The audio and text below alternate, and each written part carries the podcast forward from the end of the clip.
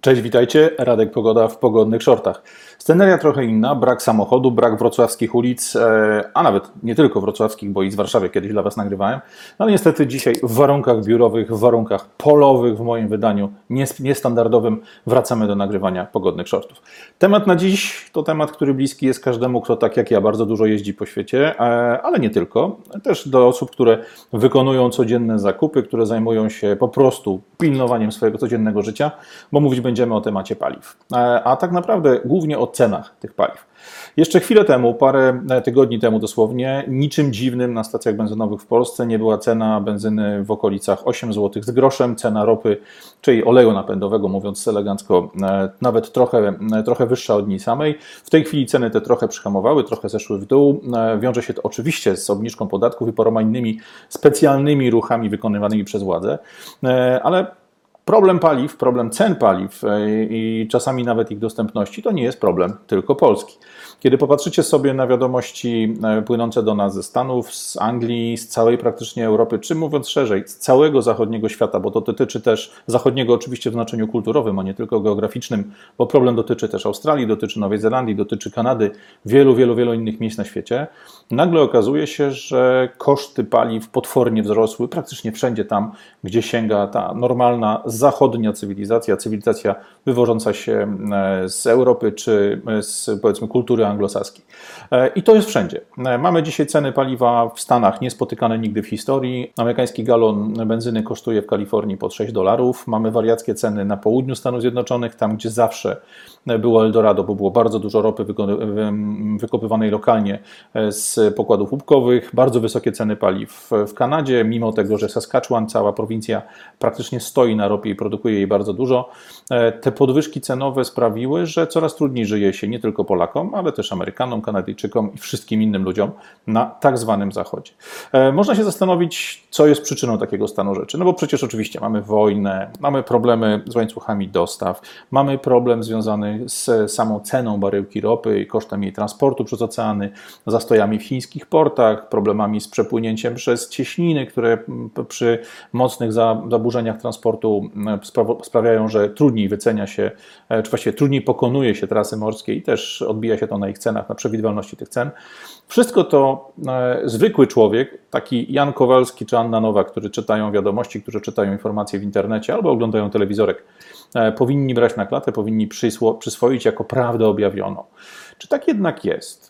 E, zadałem sobie trochę trudu i popatrzyłem ostatnio bardzo mocno na wyniki finansowe e, firm, które zajmują się wydobywaniem, obróbką i sprzedażą energii, e, energii w postaci paliw. Niezależnie od tego, czy patrzymy na paliwa dla samochodów, czy dla transportu lotniczego, mówimy tutaj o benzynie, mówimy o oleju opałowym, o oleju napędowym, o tych wszystkich tematach, nazwijmy to, które napędzają światową gospodarkę.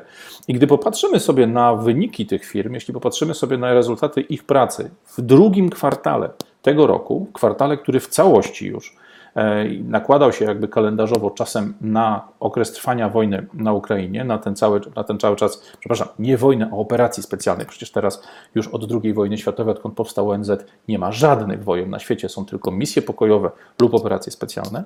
Więc jeżeli bierzemy pod uwagę okres drugiego kwartału, czas od 1 marca do końca czerwca, to szokujące z lekka jest to, co widać w wynikach finansowych firm.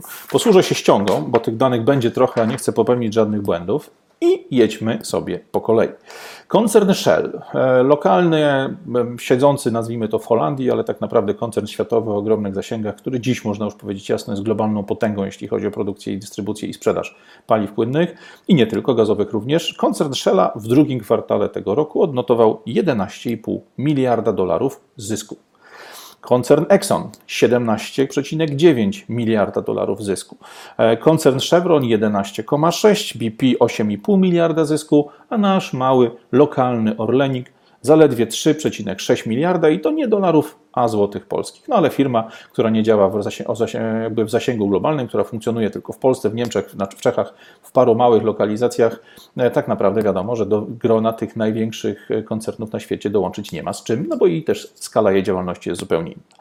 Możecie powiedzieć, no dobra, no i co z tego? No, zrobili ileś tam bimbalionów, ileś tam pierdylionów miliardów zysku, przecież ta branża zawsze spała na kasie, przecież ta branża zawsze zarabiała cudownie, e, paliwa, fajki, leki to były zawsze te branże, na których których zarabiało się najlepiej. No oczywiście nie mówiąc o sektorach gospodarki takich jak zbrojenia czy narkotyki, no bo tam e, cyfry, które się pojawiają po stronie zyskowności były zawsze jeszcze bardziej zwariowane i jeszcze dalej w kosmos odjechane.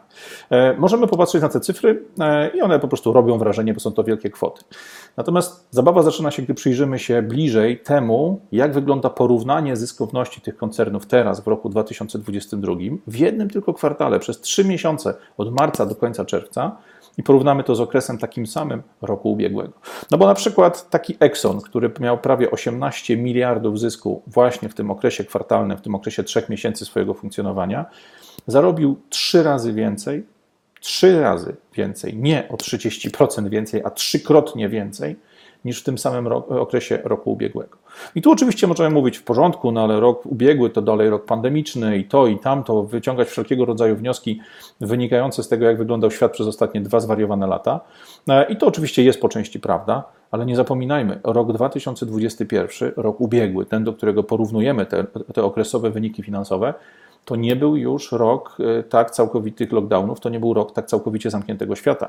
W zeszłym roku, poza paroma niechlubnymi wyjątkami w postaci Australii, Nowej Zelandii, Kanady, części Stanów, jednak w drugim kwartale roku ubiegłego światowa gospodarka trochę ruszyła z miejsca, jednak trochę się już działo.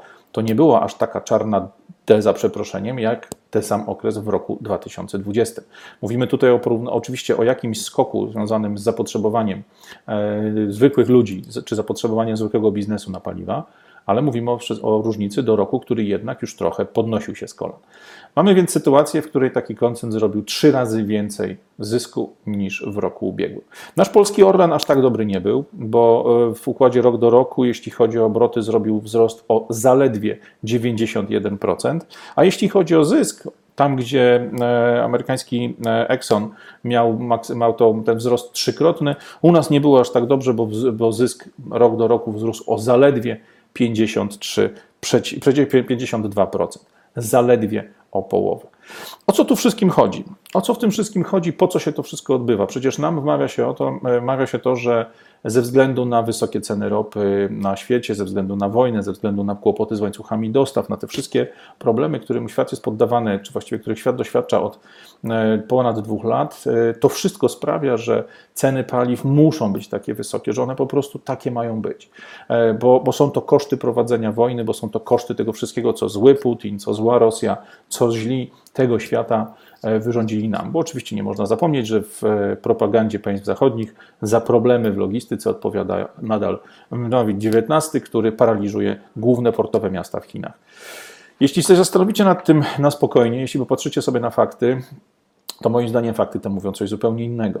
E, nie chodzi o to, że cena baryłki jest wysoka. Gdybyśmy zestawili cenę baryłki teraz z drugiego kwartału roku 2022 z kryzysem czy z cenami baryłki ropy, które były przy najwyższych notowaniach jeszcze kilka lat temu, e, w, w, sytuacji, kiedy trwała arabska wiosna i tak dalej, okazałoby się, że te ceny faktycznie były podobne, ale one w tej chwili już znacząco spadają, a ceny na stacjach benzynowych nie, a za co za tym idzie? Zyski rafinerii, zyski firm handlujących ropą, handlujących produktami ropopochodnymi, takimi jak paliwa, jak olej opałowy i tak dalej, te zyski też są dalej niebotyczne.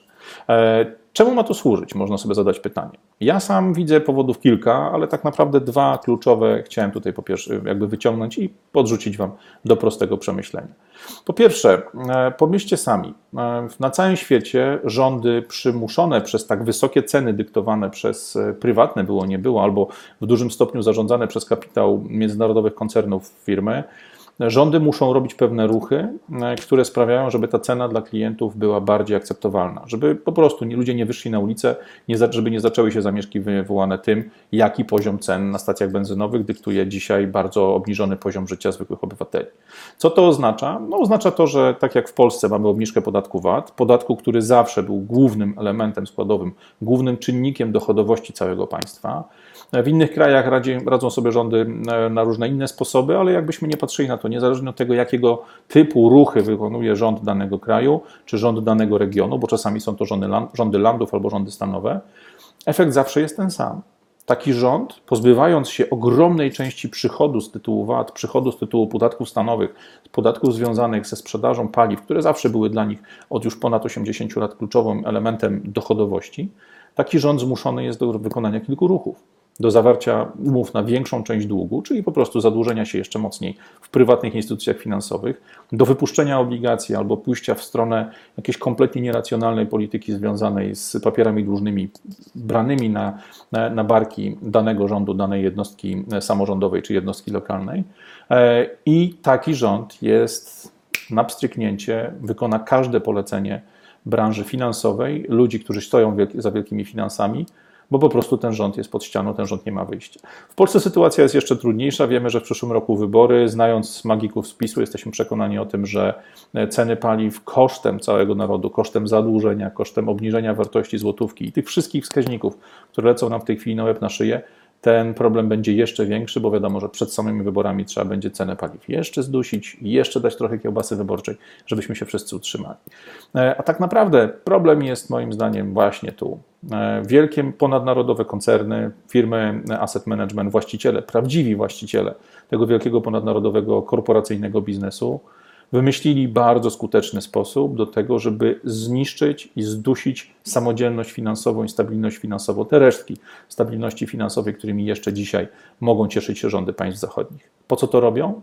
Myślę, że z dwóch powodów. Po pierwsze, doprowadzenie do kryzysu e, kosztów paliw płynnych, czy kosztów w ogóle e, cen utrzymania. Anglicy mają nawet na to już ukute przez usłużne media należące do tych samych właścicieli pojęcie takie jak e, cost of living crisis. Po prostu wymyślili sobie, że ceny to kryzys taki sam jak każdy inny. U nas przed wyborami nie wolno tak mówić.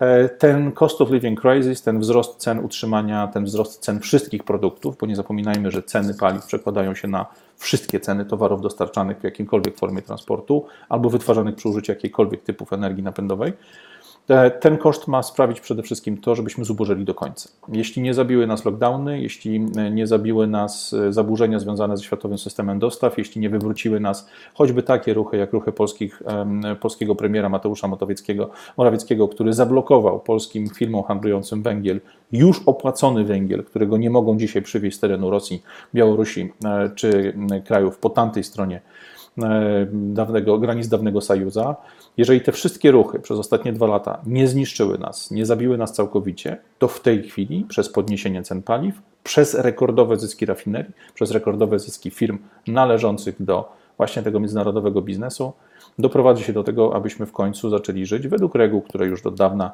pani Auken i, i jej koledzy z gangu z Davos nam głoszą. Nie będziesz miał nic i będziesz szczęśliwy.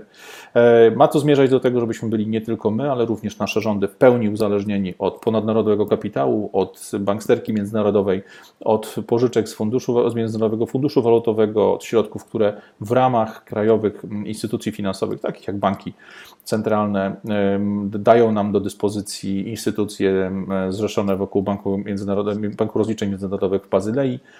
Cel jest prosty: zniszczyć resztki samodzielności, zniszczyć resztki niezależności, jakiejkolwiek stabilności finansowej tej szeroko pojętej populacji.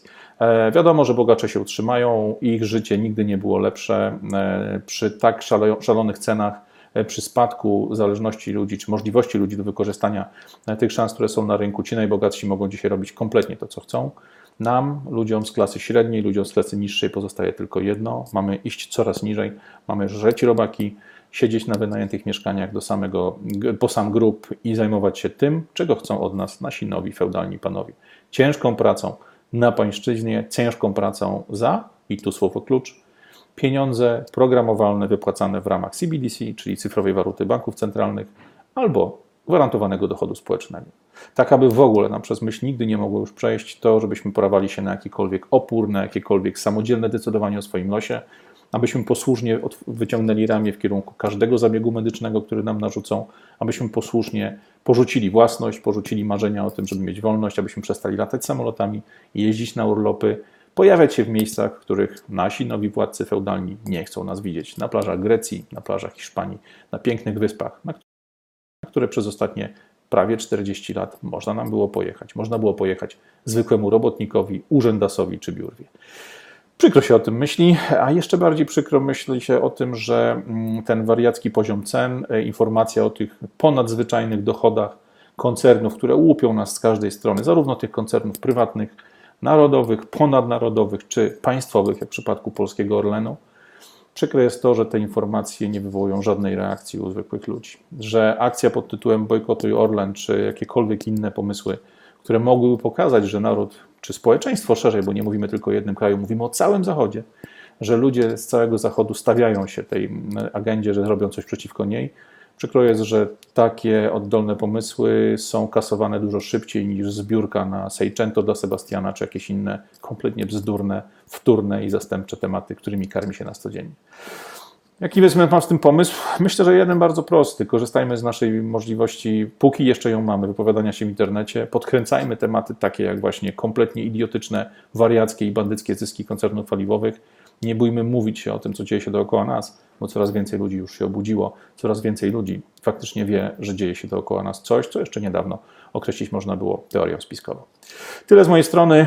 Patrzmy na dane finansowe koncernów e, paliwowych i tych światowych, i tego naszego pięknego, ukochanego rodzynka bajtkowego Orlenu na koniec lipca, kiedy będziemy mieli, e, przepraszam, na koniec lipca, na koniec września, kiedy podawane będziemy mieli ich wyniki finansowe za kwartał trzeci. I miejmy pewność, że nie tylko te pieniądze zarobione w tej chwili w bandycki sposób na nas, w rozbójniczy sposób na nas, zwykłych obywatelach, zwykłych biznesach, wykorzystane będą do futrowania polityków partii rządzącej i e, kolesiów w przyszłorocznych wyborach, bo tego możemy być pewni.